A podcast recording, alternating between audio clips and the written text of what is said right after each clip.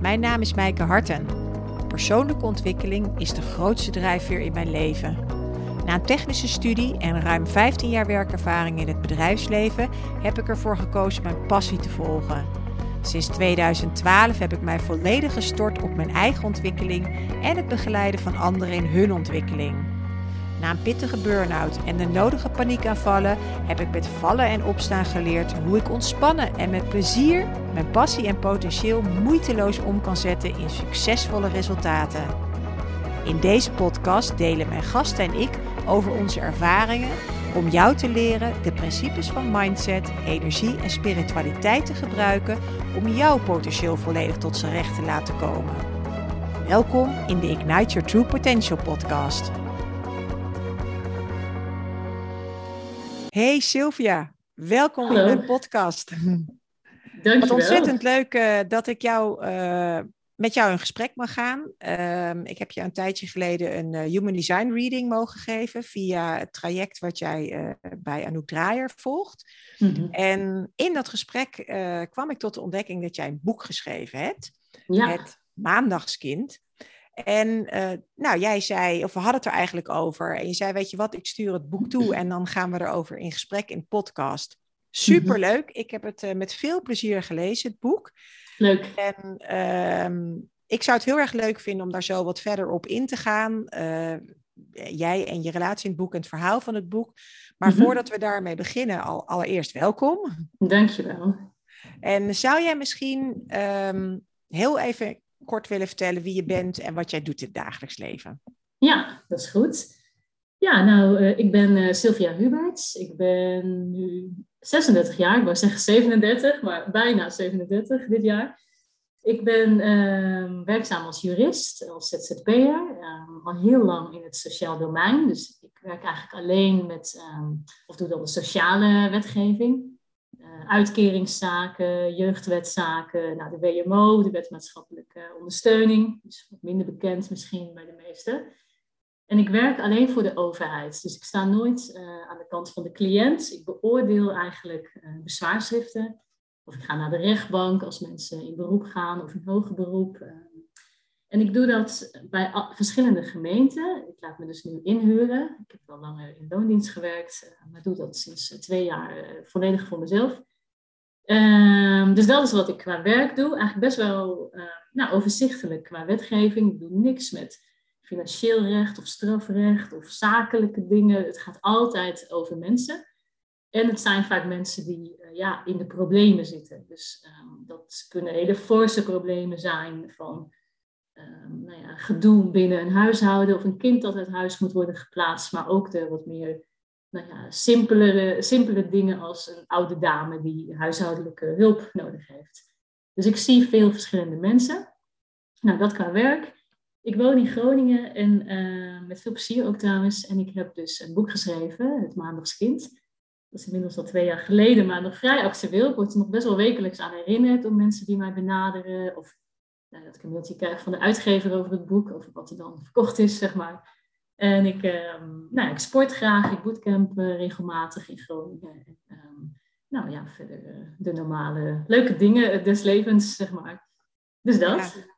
Ja, wat leuk. En leuk als je dat zo eventjes vertelt, dat ik echt best wel veel parallel eh, zie eigenlijk met de hoofdpersoon in het boek. Ja, ja, Ehm, zou jij heel kort eh, willen schetsen waar het verhaal over gaat? ja, ja, dat is goed. Ja, het, boek gaat over Claire, eh, Claire Gaudi, een verzonnen naam. Alles is trouwens fictief qua de namen en, de personen. Het is geen autobiografie, wil ik er nog wel even bij, bij zeggen. Dat is wel leuk, want ik krijg heel vaak de vraag eh, of het boek volledig op mijn leven is gebaseerd. Nou, gedeelte wel, maar een deel ook niet. Ehm, maar Claire is een, jonge advocate en zij nou, doet haar werk op zich naar behoren, vindt het eigenlijk wel prima, maar loopt wel tegen wat dingetjes aan. Eh, vooral in haar privéleven en eh, met name in de liefde. Dus ehm, ik heb het in die zin vrij ehm, ja, hedendaags gemaakt, hè? tenminste met dating apps en het datingleven, wat je als jonge vrouw of jonge man natuurlijk eh, kan hebben.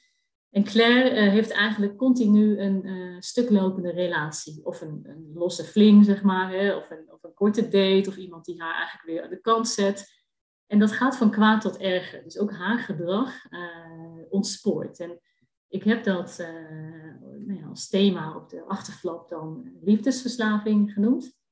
Het klinkt een beetje heftig, maar dat is wel een bestaande term voor ja, je verliezen in ehm, het verlangen dat iemand van je houdt. En ehm, dat heeft zij in, in, beginsel, of in het begin niet door. Dat ze ja, eigenlijk wel een beetje boeken of een beetje gekke sprongen maakt van, van de een naar de ander. En eh, dat heb ik natuurlijk extra dik aangezet om dat gevoel goed hè, aan de lezer over te brengen. En uiteindelijk komt zij, um, dan maak ik even een grote sprong, maar met een, hè, komt zij bij iemand terecht waarbij ze in therapie gaat, waarbij ze leert van hé, hey, waarom vertoon ik dit gedrag? En dan moet ze wel naar haar verleden kijken. En dat stuk is wel uh, nou, op mezelf gebaseerd, um, omdat Claire ook is opgegroeid zonder haar vader. En dat is in mijn geval ook zo. En dan gaat, uh, ja, ga je eigenlijk wat meer de diepte in met Claire en leert zij, en wij dus ook als lezer, waarom ze ehm, nou, een beetje een druk liefdesleven is uh, gaan leiden. Nou, deels herken ik me daar uh, van een aantal jaren geleden wel wat in. Hè? Toen ik zelf misschien, uh, dat heb je allemaal, wel periodes wat onrustiger bent en denkt um, het bij iemand anders te kunnen halen. Dat je wat minder in je eigen kern zit. Maar de thematiek die Claire ehm, laat zien, die, die ken ik ook. Hè? Het gevoel te hebben van wat is mijn plekje en bij wie hoor ik. Um, heb ik zelf heel erg ervaren toen ik begin twintig was omdat mijn ouders waren gescheiden en ik mijn vader 25 jaar niet heb gezien. Ehm, nou, dus dat is eigenlijk in een notendop, al ben ik misschien nog best lang van stop, het onderwerp van het boek. Ja. En liefdesverslaving, is dat specifiek een thema? Je, je raakt dat, je, je zegt dat expliciet, dat is zorg waar het over gaat. Ja. Heb je daar zelf verder ook in verdiept, naast dat het uit je eigen leven komt? Ja, ik heb, um, nou eigenlijk kan je het vergelijken met verlatingsangst. En bindingsangst is dan eigenlijk de andere kant van de, van de medaille. Ik heb, um, even kijken, vorig jaar een opleiding afgerond, heel specifiek over hechtingstijlen in Amsterdam bij Claudia Krumme. En Claudia heeft um, ja, daar een prachtige opleiding voor uh, ontwikkeld en die zit ook nu binnen de GGZ. en ik, dus, dus eigenlijk via haar kwam ik tenminste toen ik haar website ooit een keer ontdekte, kwam ik op die term. En als je erop googelt, vind je er ook superveel informatie over. Dus de term is bestaand, maar nog best wel, dus nog niet zo heel bekend. En we kennen wel allemaal verlatingsangst en bindingsangst. En uh, nou ja, mensen die wat onstuimig in de liefde zijn. Of je kent wel het haantjesgedrag van mannen hè, in films, of in het echte leven ook wel trouwens. Uh, hè, mannen die de een naar de ander verslinden. Maar vaak zit daar in de kern iets heel anders onder. En ik zie dat ook in mijn werk, in heel veel uh, ja, dossiers voor mensen die ik zie, van gezinnen.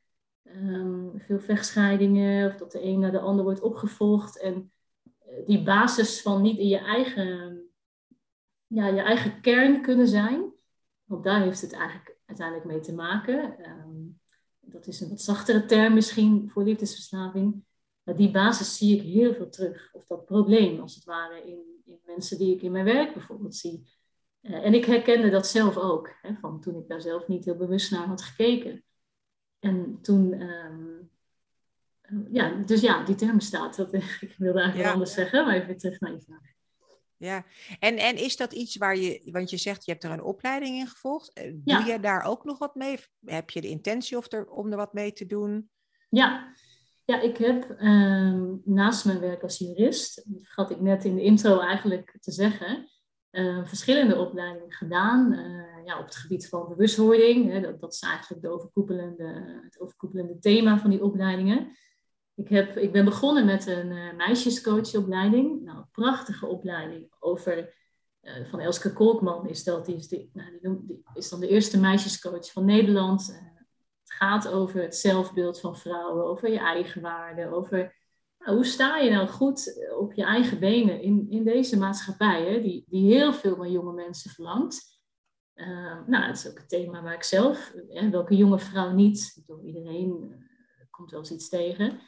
Uh, dus daar ben ik mee begonnen. En, en toen ik dat eenmaal had gedaan, ben ik eigenlijk steeds meer, ben ik me steeds verder gaan verdiepen in, um, ja, hoe, hoe zou ik het, um, eigenlijk is het bewustwording. Dus waarom doe je wat je doet en waarom ga je linksom terwijl rechtsom voor jou veel beter voelt? Zo ook in de liefde. En waarom val je op A terwijl B ook gezonder voor jou zou zijn, maar A is voor jou vertrouwd? En dat heb ik in de opleiding van Claudia Krumme in Amsterdam, uh, nou ja, nog, nog veel diepgaander, uh, of meer uh, ja, qua theorie veel, veel langer kunnen uitdiepen. Hoe zeg je dat? er veel meer in gespecialiseerd. en dan zie je ook, als je dat eenmaal leert, of als je daar een beetje kijk op krijgt of ontwikkelt, ook door je eigen ervaring, dat je heel vaak ziet van hé, hey, wat, wat een gekke verhouding. Of waarom gedraagt iemand zich zo afhankelijk van een ander? Of ook wel opgeleide mensen. Hè? Van waarom blijf je bij die persoon? Of uh, hoeven er niet eens slechte relaties te zijn in privéverband. Het kan ook in je werk of met, je hebt met veel mensen een relatie. Of dat je buurman, je buurvrouw of je, je sportgenoot of wie dan ook is. Um, en dat vind ik zo fascinerend van hoe gedraag jij je als mens, man of vrouw, ten opzichte van de ander? En waar komt dat vandaan? En uh, het onderdeel liefde daarin vind ik, vind ik uh, heel boeiend. En um, ik ben momenteel ook bezig, hè, daarom ben ik met Anouk in gesprek, uh, om mijn eigen praktijk daarin op te zetten.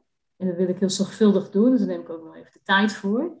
Um, dus dat, dat is deel, een deel daarvan is mensen helpen met nou ja, die liefdesverslaving, verlatingsangst, bindingsangst, maar ook een ander deel dat nou, sowieso in het leven uh, tegen dingen aanloopt. Dus, dat dus ik focus me wel wat breder dan uh, op dit thema. Ja, wat mooi, interessant. En ja, ook zeker als je zegt meisjescoach, ik denk inderdaad dat ja. Ja, jongeren misschien in alle tijden, uh, maar zeker in deze tijd best zoekende zijn, heb ik het idee. Dus ik heb zelf drie dochters. Oh ja, ja. Tussen de 15 en de 19. En ehm, dus ja, het is wel herkenbaar. Ja, ja. ja. hey, en dan je boek, want ik ben zo nieuwsgierig. Hè, in dit hele verhaal, eh, in welke tijdsperiode heb je dat geschreven? Ook in relatie mhm. tot wellicht je opleidingen. Ja. Maar, en ook vooral de vraag, ja, waarom heb je het geschreven? Wat he, hoe is dat gegaan? Ja, ja, leuk. Nou, het leuke is, um, dit idee is al heel lang geleden ontstaan. En um, nou, ik zeg dat wel vaker tegen mensen, dat in het begin nam ik het ook niet zo serieus. Ik, borrelde de hele tijd een boek op. En hè, het idee, en ik had al heel snel de titel. Die titel werd me gewoon, ja, die, die werd me gegeven, zeg maar. En ja, op de deur is dat gewoon een feit. En ik vond het zelf, um, nou, we hebben het echt al wel over zeven jaar geleden, denk ik, 2015 of zo. Um, ook nog wel spannend in het begin, want ik, ik wist qua ja, op, op basis van mijn onderbuik wel waar dit over moest gaan, zeg maar. Alleen dat durfde ik nog niet zo eh, te uiten. Dus ik zei dan heel vaak, uh, ja, het gaat over een jonge vrouw van een jaar of dertig en die groeit op. En uh, ja, niet zulke fijne omstandigheden en daar heeft ze later last van. Nou, leuk, leuk voor jou, dachten mensen dan, hè? succes daarmee, maar ik weet niet of dat wat wordt. Ehm, en ook niet iedereen nam mij altijd even serieus. Zo, zei ik het tegen sommige mensen die ik goed ken. En er werd ook wel eens een beetje uh, gekscherend over gedaan. Van ja, ja, ga jij een autobiografie schrijven? Maar ik, ik heb altijd gevoeld, gewoon in mezelf, van ik ga dit boek schrijven. Dus, uh, dus daar ben ik gewoon mee begonnen. En uh, stukken tekst gemaakt, weer weggegooid. af en toe de maanden niet naar gekeken. Want ja, ik had immers ook een baan nog steeds. Dus het moest ook in de vrije uurtjes. En nou ja, je weet zelf, een week is zo om. Um, maar het werd steeds serieuzer. En, um, en ook omdat ik er zelf eigenlijk als het ware beter in ging staan. Hè? Dus ik stapte erin en ik besefte, ik wil dit doen. En ja, eigenlijk hoe cares wat iemand anders ervan vindt. Daar had ik even tijd voor nodig. Um, dus ja, het is... ja, ik denk dat ik er wel vijf jaar over heb gedaan. Maar dan met fasen. In, de ene fase schreef ik wat meer dan de, ander, de andere fase. En ik ben uiteindelijk... Eh, gestart met de, de Schrijversacademie. Is een opleiding voor mensen die ja, willen leren schrijven. En ik ben een paar keer op een, schrijf, uh, een korte schrijfweekend geweest in Portugal bij een, uh, een dame die zelf ook boeken schrijft, een, auteur. En dat, zette, dat gaf even het laatste setje. En daar heb ik ook wel dingen geleerd hoor, want ik ging nog best wel alle kanten op. En het meest simpele wat ik daar eigenlijk heb geleerd is, uh, daar heb ik nog steeds heel veel aan, dat je eigenlijk één thema moet kiezen. En toen dacht ik, ja, dan moet ik wel um, heel, nou ja, ook echt duidelijk kiezen dat het over die, uh, dat verlangen naar liefde gaat. Hè? Het verlangen naar verbinding is misschien wel een mhm. mooiere term. Want daar gaat het eigenlijk over. Hè? Je, je genoeg gezien en verbonden voelen met andere mensen. En die simpele uitleg van kies één thema en laat Claire niet ook nog met allerlei andere dingen worstelen. Want ze heeft twee broertjes in het, broek, in het boek en dan, uh, gebeurde er in het boek ook nog iets met dat broertje. Die had dan een, een dwarslesie. Nou, dat, dat kon allemaal niet. En uh, ja, die, die simpele uitleg heeft mij gewoon dit boek doen schrijven. En toen ging ik als een, als een speer. En um, ja, toen eh, offerde ik daar hele avonden voor op. En hele weekenden en vakanties. Ik, ik deed niks anders dan schrijven. Dus uh, ja, dat werd toen heel serieus. Uiteindelijk vond ik een uitgever nou, in Groningen dan. En uh, toen was die af. En toen kwam die uit, twee jaar geleden. En dan ga je natuurlijk nog wel met elkaar naar kijken. En dan komt er een vormgever bij en noem maar op. Maar het hele proces van schrijven heb ik verder helemaal alleen gedaan. En ik herken in het verhaal wat je zegt en wat, je, wat ik gelezen heb en wat je over jezelf net verteld hebt. Je zegt ook van het heeft ook relatie met jouw leven op een bepaalde manier. Ja, um, kijk, eh, mijn ouders zijn ooit gescheiden. Uh, toen was ik acht of negen. Uh, nou, dat is niet erg, dat gebeurt. Hè? En daar ben ik nu ook oké mee. Um, en tegenwoordig is dat heel normaal dat mensen gaan scheiden. Althans, één op de drie huwelijken strand, volgens de statistieken. En ik weet nog dat in mijn tijd, eh, nou, dan spreken we over uh, eh, 1995, toen was ik een jaar of tien, zeg maar, uh, waren er in mijn klas geen kinderen met gescheiden ouders. En ik, uh, nou, los van of je ouders het goed of niet hebben aangepakt, want eh, als je ouder, als je zelf volwassen bent, kan je daar veel milder naar kijken. En zie je ook hun processen en ben je niet meer boos. Dat ben ik wel lang geweest. Hè, dus, dus ik spreek even over toen. Hè. Ik spreek niet over hoe ik nu naar mijn ouders kijk. Uh, maar ik, ik heb dat altijd als heel erg um, ja, me een beetje gestempeld gevoeld. Zo van, oh ja, wij zijn een gezin dat uh, uit elkaar ligt. En daar komen problemen bij kijken. Want hè, je, je gaat kleiner wonen, je, nou, het financiële plaatje wordt anders. In mijn optiek, hè, en, en, nogmaals, het, het gevoel wat ik had als kind, uh, was dat wij altijd een stapje harder moesten zetten om daar te komen waar andere kinderen vanzelfsprekend al waren. En aan de ene kant heeft me dat toen heel vaak heel pijn gedaan, omdat ik uh, ja, daar gewoon last van had. Daar werd ik verdrietig van. En zonder te veel op, op mijn ouders in te gaan. Maar uh, ja, dat, dat, je kan je voorstellen dat dat geen, geen prettige situatie is als mensen met elkaar overhoop liggen en er kinderen tussen zitten. Maar um, ik heb ook wel uh, later beseft dat ik daardoor bepaalde overtuigingen heb aangemeten. Bijvoorbeeld dat ik, moest, dat ik hard moest werken. Want ja, je moet toch uh, het voor elkaar hebben. Uh, en ik heb geleerd om niet naar mijn gevoel te luisteren. Want ja, dat gevoel allemaal veel te ingewikkeld. En ik voelde veel te veel hè, in, zo'n, in die omstandigheden. Dus beter schakel je dat uit. Ga je lekker op verstand door. Uh, nou, dat heeft mij geen windeieren gelegd. Hè. Ik heb netjes mijn diploma's gehaald, rechten gestudeerd. Nou, prima. Dat ging ook allemaal hartstikke goed. Maar pas later, op latere leeftijd, dacht ik, oei, oh, ik heb ook nog gevoel en ik ben ook nog een sensitief iemand. En jeetje, hoe moet ik daarmee omgaan? En toen kwam die bak aan gevoelens die ik toen heb geblokt. Toen was ik jaar of 3, 24, kwam in, in volle vracht, zeg maar, nog even voorbij. Dus daar, in zekere zin heeft het boek daarin uh, heel veel met mijzelf te maken. Uh, want Claire gaat ook naar autonomie. Nou, dat heb ik ook gedaan. Dat zou ik iedereen, ieder mens aan willen raden. Uh, dus ja, ik, ik, zou liegen als ik zou zeggen dat het boek helemaal niet op mij is gebaseerd. Maar het is, het is niet compleet één op één. Hè? Maar wat ik wel heel erg herken is, is dat je opgroeit en dat je dingen... Um, ja, je ontwikkelt een soort schil als het ware. Je gaat je gedragen op een bepaalde manier. Omdat je denkt op dat moment is dat even het beste. Hè? Of dat overleven is of ja, gewoon meebewegen met de, met de sfeer of rekening houden met je ouders in dit geval. Uh, en dan pas later besef je, maar wat vind ik zelf eigenlijk en wat voel ik eigenlijk en kan ik eigenlijk wel voelen? En dat, uh, nou ja, dat leert Claire ook en dat heb ik ook uh, ja, moeten leren. En hoe kwam je tot dat besef dan? Want ja, als je ontdekt dat je iets niet kan, hè, of niet, het voelen niet toestaat, hoe ontdek je dat? Nou, in mijn geval heel simpel. Ik uh, raakte overspannen. En, uh, heel, en best wel op jonge leeftijd. Ik was 25, was ik uh, helemaal, ja, een burn-out had ik. En dan ben je hartstikke jong. En nou ja, tegenwoordig, iedereen die ik ken heeft tegenwoordig bijna wel een burn-out gehad. Hè? Dat is bijna modieus.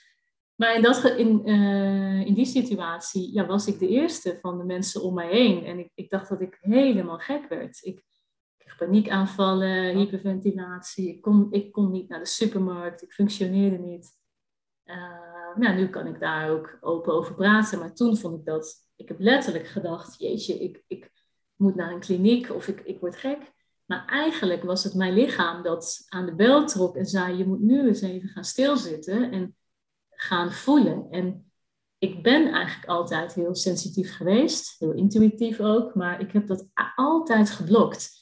Ehm, dus ik voelde wel, maar ik luisterde er niet naar. Heel cliché, maar ik kreeg heel vaak buikpijn als iets niet prettig was. Of als ik ehm, nou, bijvoorbeeld een keuze moest maken en dan ging ik toch maar door met dat werk of die relatie of met iets niet uitspreken naar iemand. Maar dan had ik gewoon, mijn onderbuik zei dan wel van dit is niet goed of uh, luister nou, maar dat deed ik niet. Dus mijn hoofd won het altijd. Daar was ik heel lang heel goed in. Maar ik werd noodgedwongen, uh, ja, stilgezet om daarnaar te kijken. Ja. Hè, dus ik, ik geloof heel erg in, dat, is tenminste mijn ervaring, dat als je, je kunt het heel lang uitstellen, hè, dat eerlijk zijn naar jezelf en, en voelen wat er aan verdriet zit. Maar op een gegeven moment zegt je lichaam, oh, nu moet je eens even naar mij luisteren in plaats van uh, andersom. En dat gebeurde. En een van de dingen die ik je al net al hoorde zeggen, die je daar volgens mij heel erg in geholpen heeft, is haptonomie. Ja, ja. Heel simpel eigenlijk. Nou, simpel, het is, het is wel echt een vak. Um, heel simpele oefening, die, die vergeet ik nooit weer. Um, is een uh, nou, er was iemand met wie ik dan omging. Uh, nou, dat echt niet door wat voor verband, maar iemand die ik kende. En daar had ik eigenlijk een beetje last van, van hoe die persoon zich uitte en wat voor energie die persoon had. Maar ik dacht dat je, nou ja, ik was gewoon niet zo gewend om mezelf te uiten of om uh, voor mezelf op te komen. Dat vond ik moeilijk in die tijd.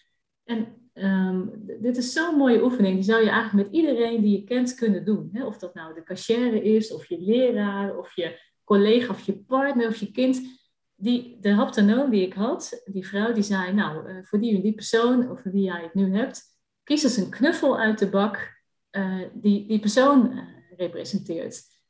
En ik pakte een hele grove, harde, harde in de zin van lelijke knuffel. Helemaal niet een lief klein beertje of zo. Ik pakte echt een, negatieve energie uit die bak. En heel simpel, en ik dacht in het begin, hoezo moet ik een bak met knuffels, wat moet ik daar nou mee? Ik ben toch geen klein kind, maar uh, het was zo uh, inzichtelijk. Um, en zulke simpele, gekke oefeningen had ik nodig om uh, bij dat gevoel te komen. Nu hoeft dat niet meer, want nu weet ik dat meteen, als mijn buik zegt wegwezen, is het, is het, zegt het genoeg, zeg maar. Um, en, en hetzelfde met Playmobil poppetjes moest ik dan mijn gezin van herkomst eh, als een soort familieopstelling op tafel, een tafelopstelling doen ja, dacht ik in het begin ook, ja, ik ben niet gek. Maar het heeft me zoveel gebracht.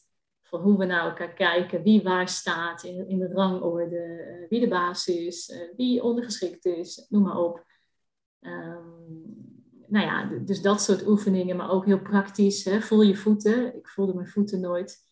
Of voel je billen op de stoel. Ja, dat vond ik allemaal veel te ingewikkeld. duurde mij veel te lang. Ik wilde weer door. Maar daar heb ik heel veel baat bij, uh, bij gehad. Ja. Ja, want dat hoofd dat kan razendsnel natuurlijk. En dat lichaam is veel langzamer. Ja, ja. Ja. ja. ja. En hoe legt je dan, want de oefeningen die je nu zegt, klinken voor mij, behalve dan voel je voeten, voel je billen op de stoel, zeg maar, voelen voor mij toch nog wel heel erg ook met je hoofd inzicht krijgen. Die beer pakken en dan zien. Oh ja. Uh, en, en met die poppetjes ook. Hoe, ja. hoe legde je daar weer de relatie dan met gevoel? Hoe werkte dat? Uh, nou, het was eigenlijk wel heel erg op gevoel kiezen. Dus ik moest er niet te lang over nadenken. Als ik dat deed, zei ze overnieuw. Dus dus als mijn hoofd weer aanging, want wat ik deed, ik was veel te loyaal, um, gewend vanuit vroeger. Als ik dan een lelijke knuffel pakte, dan dacht ik, ja, zo lelijk is die persoon niet. Lelijk in energie of karakter, want we niet over uiterlijk. Um, dus, dus zij corrigeerde mij continu als ik te lang nadacht. En uh, zo'n Playmobil uh, tafelopstelling, uh, nou, dan moet je je ouders opstellen en je broers en zussen. En wij hebben vijf kinderen thuis. Dus, we vijf, mijn moeder heeft vijf kinderen. Dus dat is niet helemaal hetzelfde als Claire. En dan moest ik die allemaal neerzetten. En dan zette ik één broer of zus stond nog even anders. En dan zei zij, oh, klopt dat wel voor jou? Kijk er eens mm. goed naar. Heb je dit?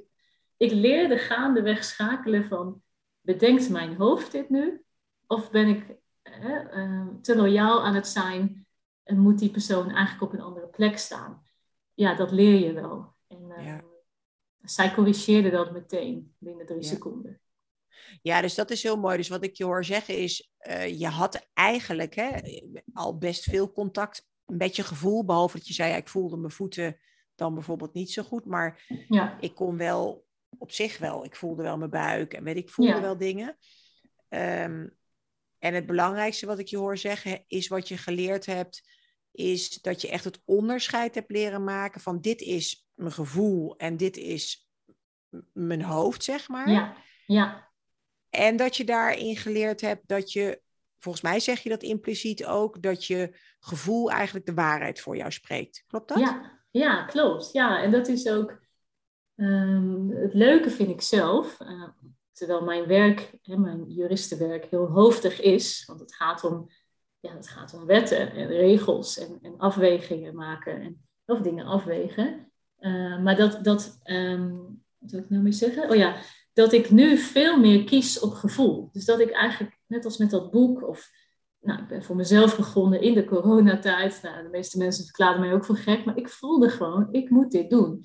Terwijl ik vijf jaar geleden, of iets langer geleden, toen ik dit nog niet deed, of wist, zeg maar, had ik al die risico's wel ingecalculeerd. Hè. Zou ik op safe spelen? Zou ik even wachten, gewacht hebben? Um, ik kies heel snel. En toen wij elkaar leren, leren kennen over het, profiel wat je voor me had gemaakt, vond ik ook heel leuk, omdat um, ik denk dat de meeste directe vrienden mij vrij impulsief vinden. Tenminste, ik ben vrij enthousiast en dan kan ik meteen iets doen. Dus eh, als, als ze iemand zouden moeten aanwijzen binnen de kring die impulsief is, dan zouden ze denk ik wel mij aanwijzen.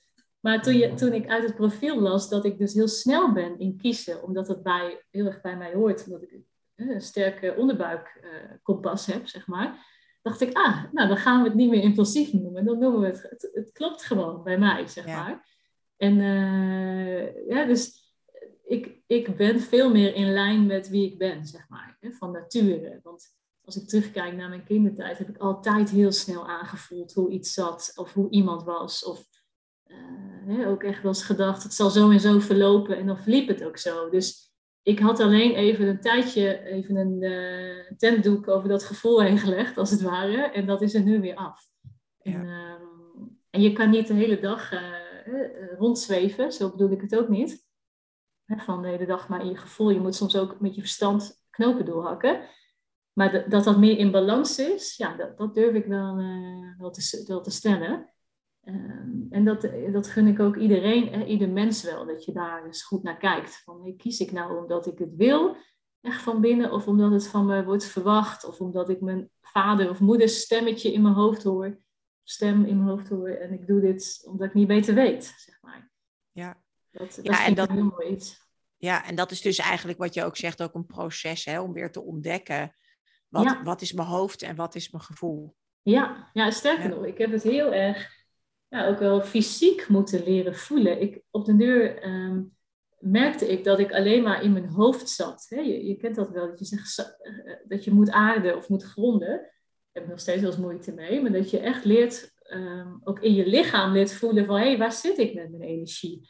En um, ja, dat, dat, is echt fascinerend hoe dat zich dus vertaalt ook naar je fysieke, uh, nou ja, naar je lichaam.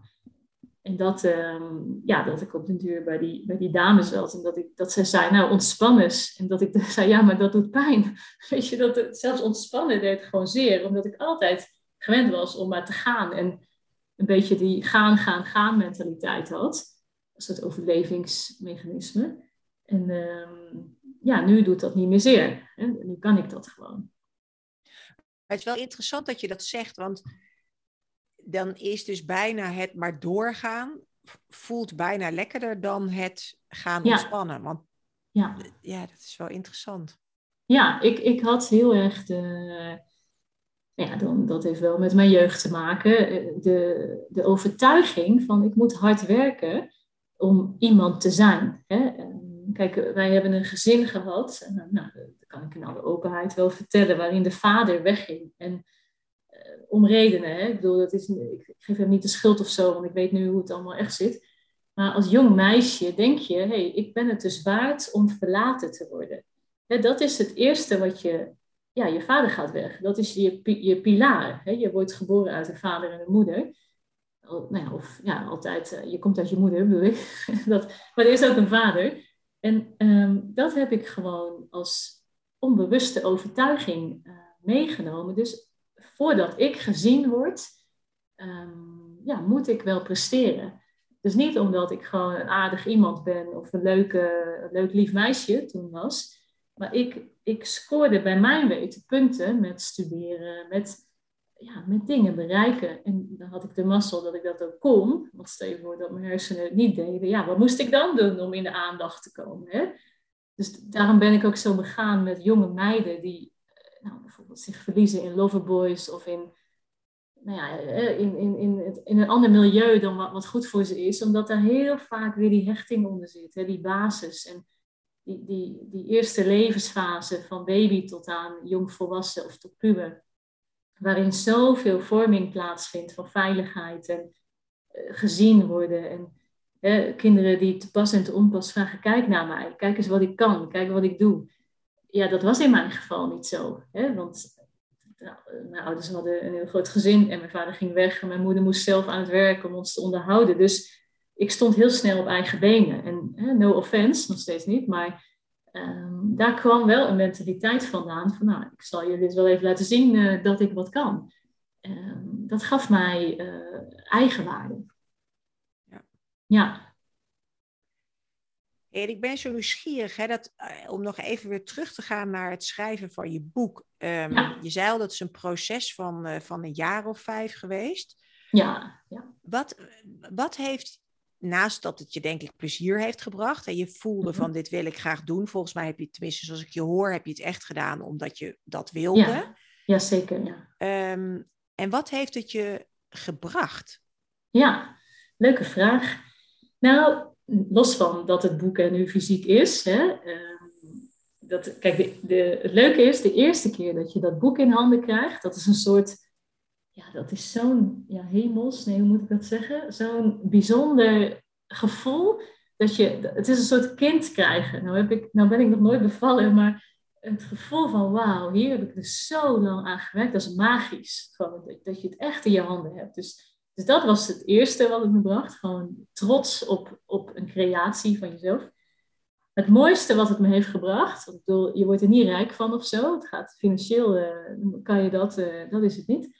Uh, zijn hele mooie gesprekken. Dus ik heb echt mensen, ook oud-bekenden, maar ook oud-collega's of mensen die ik niet eens kende, die mij een bericht stuurden en zeiden van, joh, ik heb jouw boek gelezen en ik heb het aan mijn dochter ook, of aan mijn dochter gegeven. Of nou, mijn bonusdochter en we hebben zo'n mooi gesprek gehad. En um, nou, dat, die verbinding, nou, dat vind ik eigenlijk, dan is de cirkel rond. Want dat boek gaat over verbinding en over onbewuste uh, patronen en dingen niet uitspreken. En, en, en als dit boek dan verbinding oplevert, in welke zin dan ook, of op welke manier, nou, dan, dan, dan ben ik geslaagd. En uh, en ik werd ook wel benaderd eh, door mensen met wie ik eens heb gewandeld en over het boek heb gekletst. Nou, dat vind ik hartstikke leuk. Uh, dus het heeft, ja, en ik hoop ook wel, ik hoorde ook wel van mensen die zeiden, ja, het heeft me ook wel weer mijn ogen geopend eh, dat ik het goed heb gehad. Of dat ik um, ja, ook dingen anders kan aanpakken. Dus ik, een stukje bewustwording ook wel op dit thema. Um, want ik vind dat we veel te veel stempelen met stoornissen en aandoeningen en dat er heel vaak iets onder zit hè, in de onderstroom. Um, dus dat hoopte ik ermee te bereiken. En ja, dat is, al is het op minimaal niveau, hè, of op uh, microniveau, best gelukt. En dat vind ja. ik uh, heel mooi. Ja, super mooi. Ja. ja, want als je nog eens zou je kunnen samenvatten wat, wat de belangrijkste ja, eigenlijk les of wijsheid is die je wil overbrengen met het boek? Ja, nou, wat, ik geloof, en, en daarom uh, ga ik ook mijn eigen coachpraktijk beginnen, uh, is dat ehm, dat ieder mens gelukkig kan zijn. Dus ik geloof er niet in dat we worden geboren op deze aarde en dat je leven, ehm, dat het jouw lot is om te mislukken. Nou ja, hè, sommige mensen zeggen ja, daarvoor, hè, die geloven in meerdere levens. Die zeggen ja, je hebt dit leven, moet je dit doorstaan. Hè, dat, dat kan, dat is ook een visie. Maar dat is niet waar ik, en los van of je in meerdere levens gelooft, uh, waar ik voor sta, is dat ik, je hebt allemaal uh, bepaalde potentie. En als jij uh, dingen meemaakt, ehm, of dat nou heftige trauma's zijn of, een, wat, wat mindere trauma's, maar wel voor jou vervelende situaties, ga je op den duur gedragen naar wat je denkt dat goed voor jou is. En um, zo ga je dan zo 20 à 30 jaar verder. Zo kies je je werk, zo kies je je relaties, zo ga je om met je vrienden, met wie dan ook. Hè? Je, je bent deze versie, zeg maar versie A van jezelf. Of noem het versie B, want versie A vind ik eigenlijk de mooiste. Um, en ik zie ook doordat ik dat zelf heb ervaren en door de opleidingen die ik heb gedaan, heel veel mensen worstelen. En dat, dat is misschien ook ingegeven door de huidige maatschappij, waarin veel van ons wordt verlangd. Hè? Althans, dat is me net of je daarin laat meeslepen, vind ik ook. Uh, maar ik geloof in gelukkig zijn en in uh, plezier en lichtheid. En dat heb ik zelf ook ondervonden. Dat je, wanneer het zwaar voelt, of wanneer je denkt, jeetje, ik zit helemaal vast, dan klopt het dus niet. En ik vind, en dat zie ik ook in mijn werk, te veel hè, jeugdwet of je, dossiers in de jeugdwet of WMO-zaken of uitkeringszaken, waarin mensen zich zo in de nesten hebben gewerkt of laten werken. En dat is dan mijn werk, dus daar, daar verdien ik mijn boterham mee. Dus aan de ene kant moeten ze dat ook lekker blijven doen. Nee.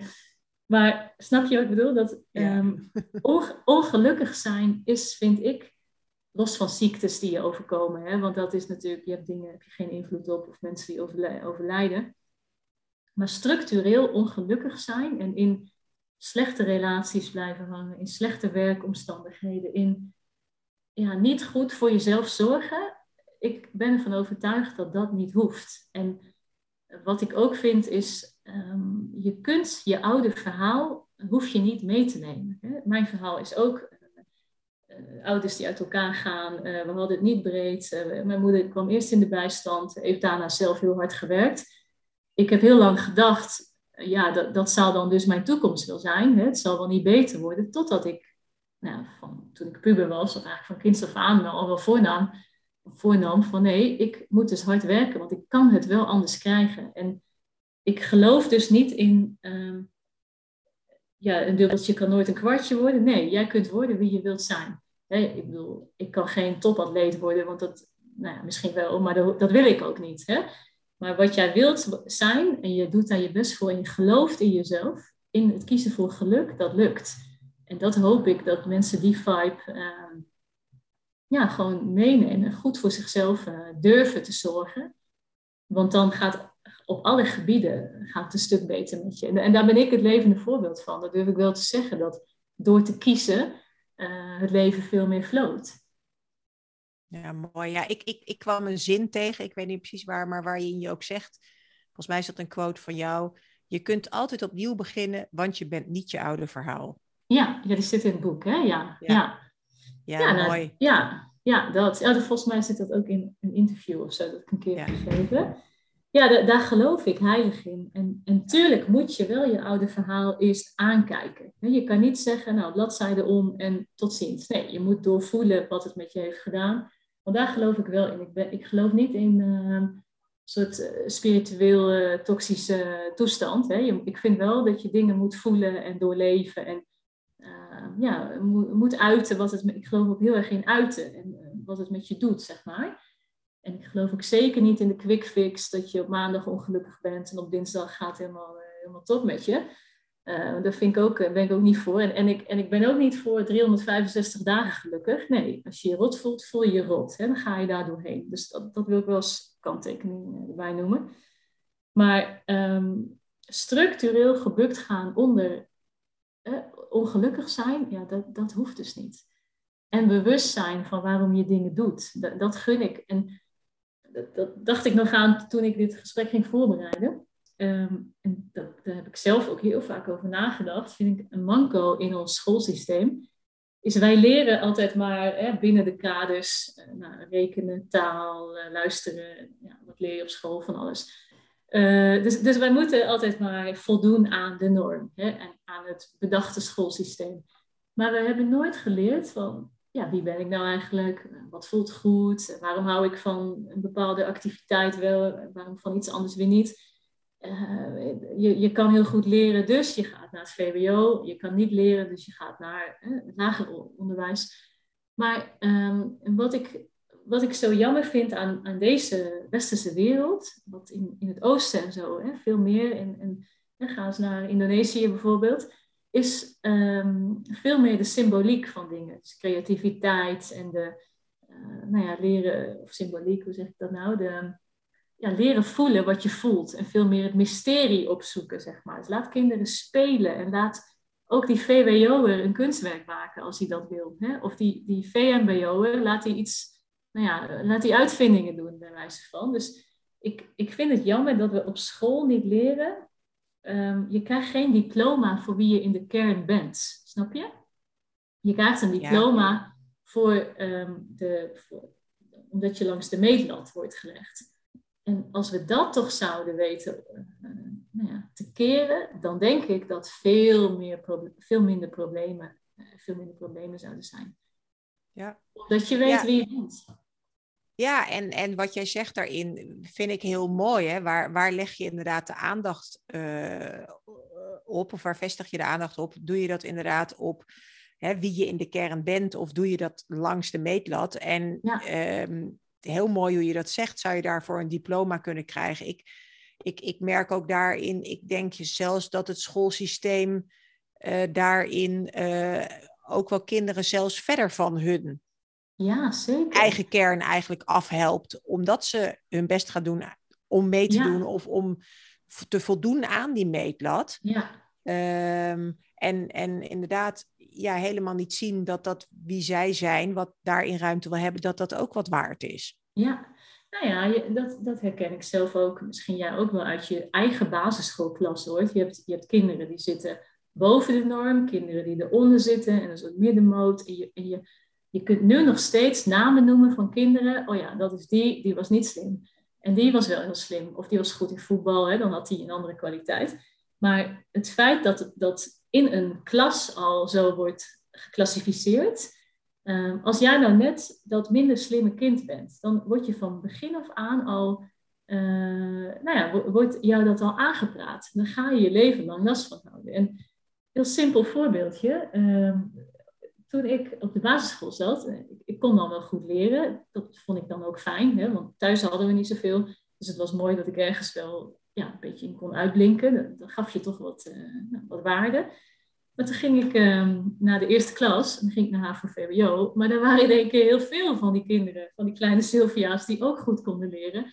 Dus ja, wie was ik dan nog? Hè? Um, dan werd ik in één keer geconfronteerd met ja, nog gewoon veel meer slimme kinderen. Dus om aan te geven, het is ook maar net uh, hoe dat wordt benadrukt, met wie je omgaat.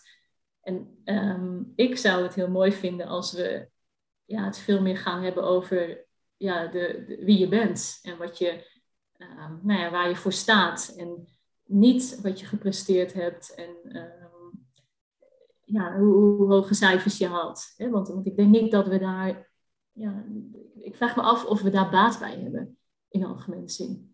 Ja, nou ja, ik denk dat we daar in ieder geval heel erg dezelfde soort mensen mee proberen te creëren. En, ja. dat, is, en dat is redelijk eenzijdig. Uh, mm-hmm. Want het gaat dan alleen om het cognitieve natuurlijk. En je hebt niks aan, stel je voor je bent een werkgever en je hebt allemaal hele slimme medewerkers in dienst, maar die kennen zichzelf niet goed. En je moet ook weten, hé, hey, waar uh, functioneer ik goed in? Is dat in een drukke kantoortuin? En uh, hou ik van klantcontact? Uh, wat zijn mijn normen en waarden eigenlijk? Wat voor persoonlijkheid heb ik? Nou heb je natuurlijk soms wel allerlei testen voordat je ergens begint of een assessment. Maar ik denk dat het heel goed is als mensen. Um, ik, ik, heb ook een opleiding uh, karakterstructuren gedaan, dat je weet wie je bent en, en wat voor structuur je in wezen uh, bent, of hè, human design profiel. Um, dus het is zo jammer dat je daar eigenlijk pas in je vrije tijd, later, vaak als je pas vastloopt, want dan ga je vaak een beetje vroeten, of omdat je het gewoon interessant vindt, dat je daar dan pas aandacht aan moet besteden. Terwijl je 10.000 jaar naar school gaat, hè, bij wijze van, een merendeel van je leven zit je in een klas, waarom dan niet? Uh, ja, dat, dat zou ik heel mooi vinden. Een vraag die een beetje nog bij mij blijft hangen, daar ben ik nog nieuwsgierig naar, is die tijd dat je aan het schrijven was.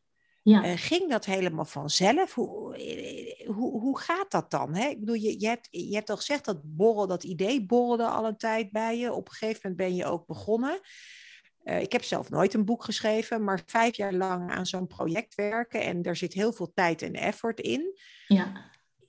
Ja, is dat dan elke keer leuk, uh, makkelijk? Uh, en ja, hoe was dat proces voor jou? Het is eigenlijk een wonder dat ik hem ehm, ja, heb afgekregen, moet ik wel eerlijk in zijn. Um, of moet, maar um, ik, ik hou helemaal niet van lange processen. Ik heb ooit als beleidsadviseur gewerkt, dat duurde mij veel te lang. Dat lang nadenken over dingen. En uh, nou, dat wordt dus ook, eh, wat uit jouw profiel kwam, ook wel bij mijn persoonlijkheid, is hak-hak of haktak, knopen doorhakken. Maar um, ik, eh, dus dat lang stilzitten aan iets en heel lang de focus hebben, is eigenlijk niet mijn uh, natuurlijke aard. Maar dat schrijven, dat kwam echt uit mijn tenen. Zeg ik dat goed? Dat je het echt zo graag wil doen. Um, nou, soms ging ik, uh, had ik ineens had ik het te pakken en dan, dan, ontstond er een idee. En dan, als ik dan toevallig vrij was, ging ik zitten en dan vergat ik te avondeten. En dan ging ik gewoon aan één, stuk door. En zat ik de hele avond te schrijven. Nou, soms nam ik er ook heel bewust een wijntje bij. Ik eh, er zitten ook wel wat jolige stukken in dat boek. Uh, dus dat ik even ook zelf een beetje jolig was. Af en toe moest ik ook heel hard lachen om mezelf. Dat zag er denk ik heel raar uit. Uh, ik zie de vrouw in haar eentje in het huis heel hard, uh, heel hard lachen om, om zichzelf.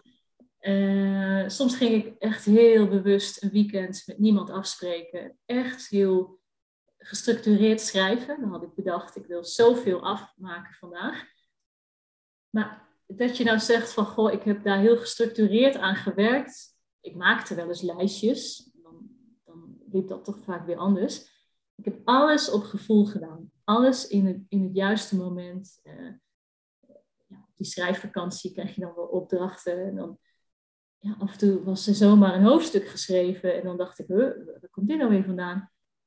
En soms eh, moest ik het wel herschrijven. Maar ja, over het algemeen is het gewoon ontstaan. En Um, maar wat ik wel heel gestructureerd deed, is ik gaf niet op. Dus ik ging door ermee. Dus ik heb geen moment.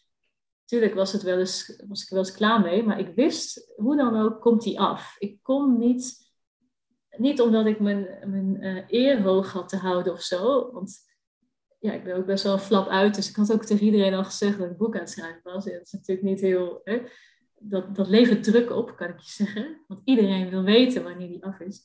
Eh, maar ehm, ja, hij moest gewoon afkomen. En ik deed daar gewoon heel veel voor. Maar dat kostte me wel uh, bloed, zweet en tranen af en toe. Ja. ja, maar wat ik je wel heel erg hoor zeggen volgens mij erin is het... Het kwam wel heel erg van binnenuit. Het wilde wel echt door jou gecreëerd worden. Ja. Het was geen moeten van buitenaf. Het was niet moeten voldoen aan iets van buitenaf. Het, uh, dus ik, ik kan me zo voorstellen, de bloed, zweet en tranen voelen heel anders, ja. denk ik, dan uh, als je iets doet waarvan je... Ja, zeker. Vindt dat je het voor de buitenwereld moet of ik weet niet. Ja, nee hoor. Nee, dit, dit boek, um, daar geloof ik echt wel in moest komen. En uh, ik wist dat ook al heel lang. En ik... Um, nee, tuurlijk, kijk Kijk, heel veel mensen hebben zo'n beeld van schrijven, is zo'n romantisch beeld, lekker achter je laptop of met een gouden pen. Maar het is gewoon heel eenzaam werk. Het is heel solistisch.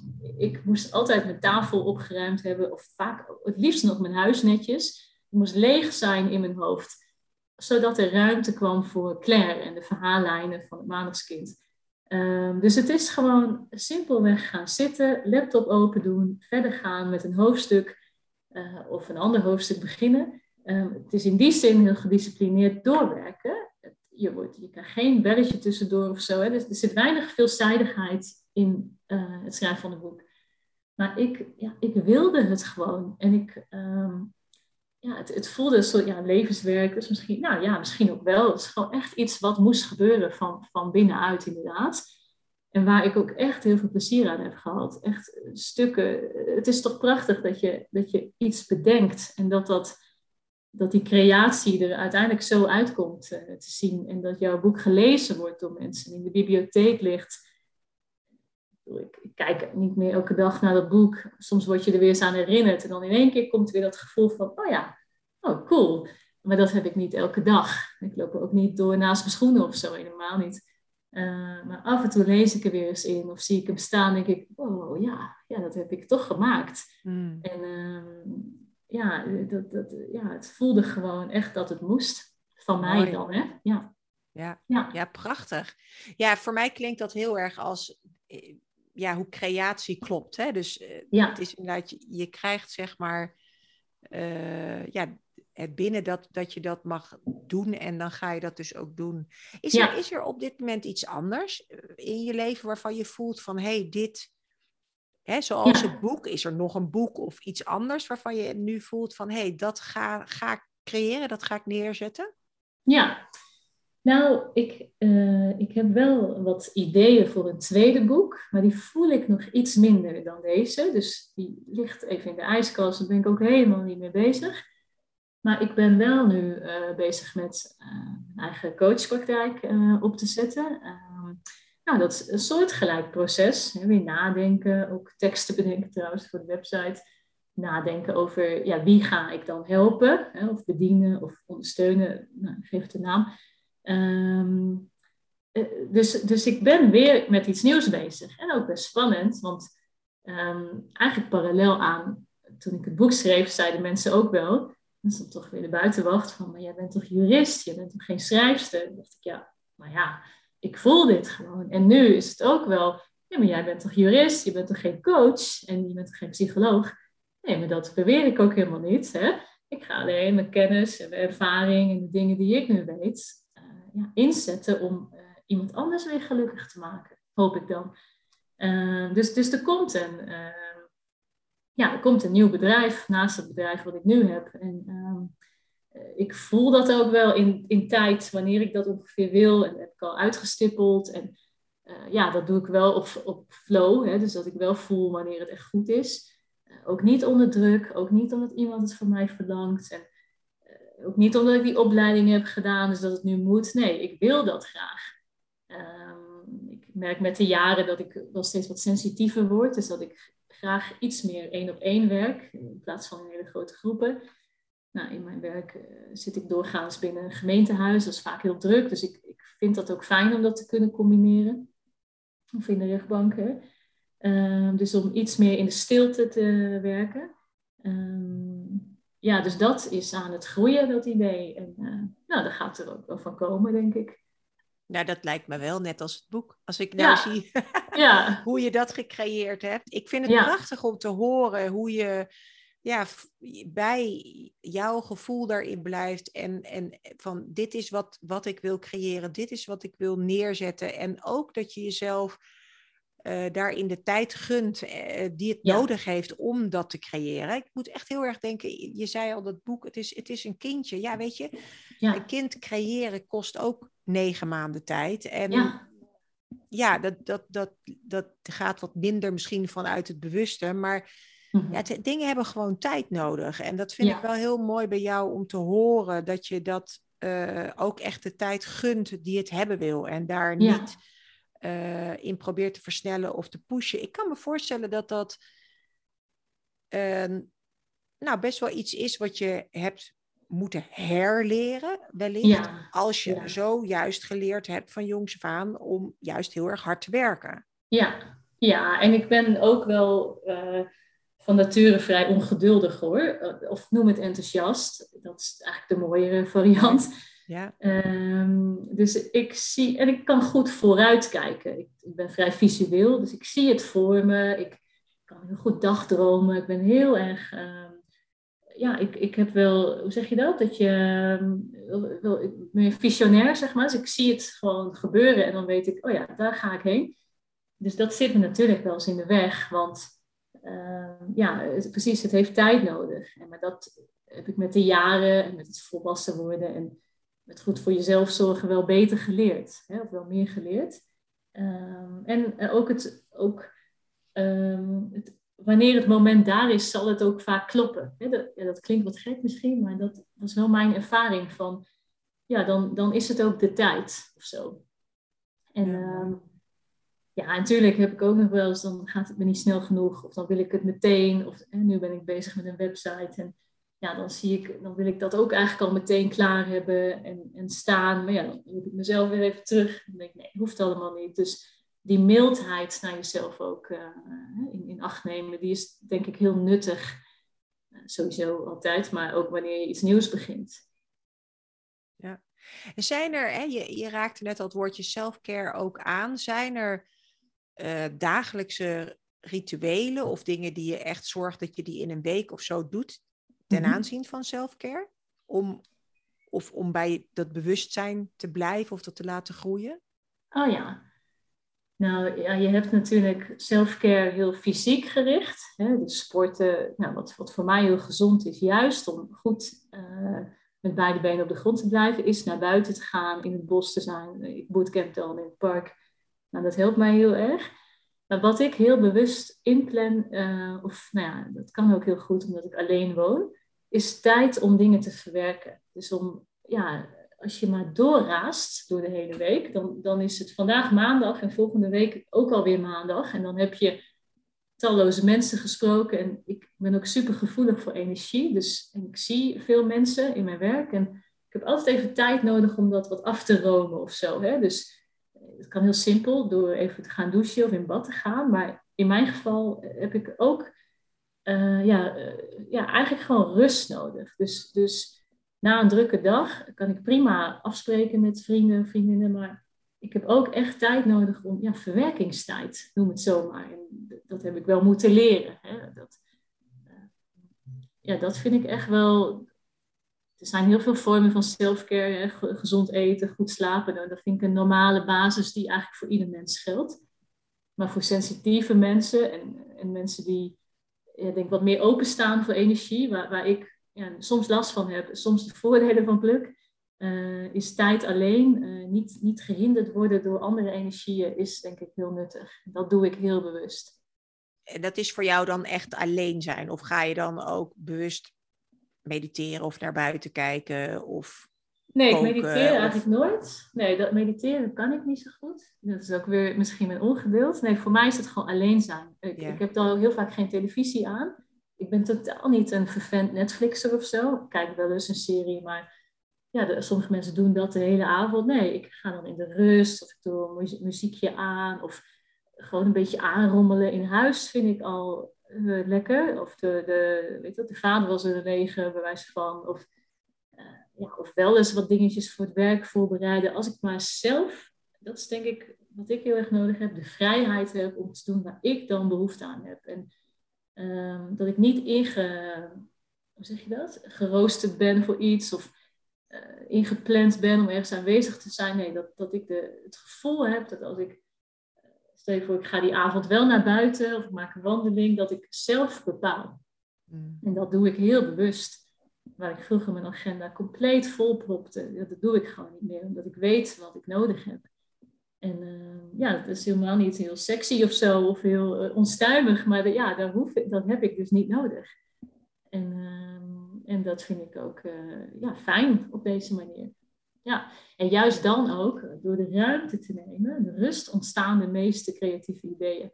Dan heb ik ruimte en in mijn hoofd en dan word ik niet wordt het niet beïnvloed door ruis van buitenaf. Maar dan, ja, als ik echt helemaal blanco in mijn hoofd ben, dan ontstaat er weer iets. En dat heb ik, vind ik heel fijn, dat, dat, uh, dat ik zo kan leven. Ja, mooi. Hey, als je jezelf een tip zou mogen geven aan je jongere zelf van 10, 20 jaar geleden, wat zou ja. je dan je jongere zelf mee willen geven? Ja, mooie vraag. Zo, Um, nou, ik zou denk ik dan zeggen, um, pas je nooit aan. Doe altijd wat je voelt. Ja. Ja, dat is denk ik, wees jezelf. Dat klinkt heel uh, algemeen, maar uh, wat ik dus heel lang heb gedaan, is mij aanpassen en, en maar doen ja, wat verwacht werd. Maar, eh, en, en, dat geldt voor alles, hè? qua je kledingstijl, qua hoe je wilt zijn, qua wat voor vakantie je kiest. Maar kies voor wat jij belangrijk vindt. En um, ja, natuurlijk, dat kan niet ten koste van een ander gaan, zo niet. Maar als jij iets wil doen, doe het. Ja, en voel, als je, als je zin hebt om iets te doen, ga ervoor. Als het nou een boek schrijven is, of uh, je wilt uh, naar de Pyreneeën, ik noem maar wat. Of je wilt een andere opleiding doen dan die je hebt gekozen, of je wilt naar een andere stad. Doe het gewoon. Dus nooit jezelf aanpassen. Nee. En blijf, dat vind ik ook een hele belangrijke, dat zijn twee adviezen blijf authentiek. Dat is eigenlijk ook niet aanpassen natuurlijk. Ja, wat mooi. Nou, ik denk dat het wel goed komt met die eh, coachpraktijk van jou uh, in de toekomst. Uh, oh, ik, nou, leuk. Ja, ik vond het echt uh, ontzettend leuk gesprek. Ja, heel interessant om van jou te horen hoe jij nou zelf eigenlijk ehm, ja, laten we zeggen, de lessen in je leven tot nu toe hebt geleerd, maar ook vooral hoe je dat dan vertaald hebt in een boek en dat uh, weer doorgeeft. Zijn daar nog dingen die we niet besproken hebben waarvan je zegt dat dat zou ik nog echt wel even willen delen? Nee, nou ja, er valt nog heel veel te delen. Volgens mij kunnen we nog uren doorgaan. En uh, ja, zijn er denk ik, nou ja, ook hè, wat jij ook met je werk doet, gaat het volgens mij altijd om bewustwording. Om, om dat zou ik iedereen gunnen. Dus ik zou iedereen die twijfelt, of je, of je nou jong bent of oud, eh, om hulp te zoeken, doe het. Gun jezelf iemand tegen wie je af en toe eens kan aanpraten of die met je meekijkt. Uh, voel je daarin niet uh, zwak of zo, maar zie het als iets heel moois dat je eigenlijk jezelf heel goed leert kennen. En, en die versie A van jezelf wordt, hè, die je eigenlijk ook bedoeld bent om te zijn dat zou ik, uh, nou ja, ter afsluiting uh, willen zeggen. Mooi. Hey, hartstikke bedankt. Als mensen meer van jou willen weten, jou willen volgen, ja. uh, waar kunnen ze dan terecht? Nou, eigenlijk heb ik nu alleen, of alleen, een Instagram-account en LinkedIn. Maar de, de, daar kies ik dus ook voor om daar niet vaak op te kijken. Dat vind ik te veel. Dus dan zou ik zeggen, zoek me lekker op op Instagram of koop het maandagskind. Uh, en stuur me een bericht als je dat wilt. En uh, ja, dan vind ik altijd leuk als mensen erover willen praten. Maar uh, Instagram ben ik het meest actief. Om het zo ja, en gewoon onder jouw naam, hè? Ja, gewoon mijn volledige naam. Ja. Sylvia Huberts. Ja. Ik zal het ook in de keynote zetten. En ik neem aan dat tegen de tijd dat je coachpraktijk echt open gaat, dat je dat ook via Instagram laat weten. Ja.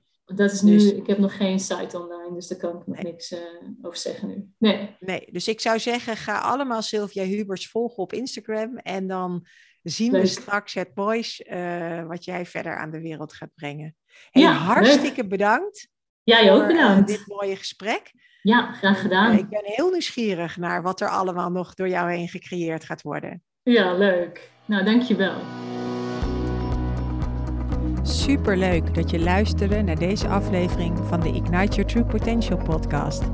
Als je het leuk vond wat je hoorde en je de volgende aflevering niet wil missen, abonneer je dan nu en laat een review achter zodat meer mensen deze podcast kunnen vinden.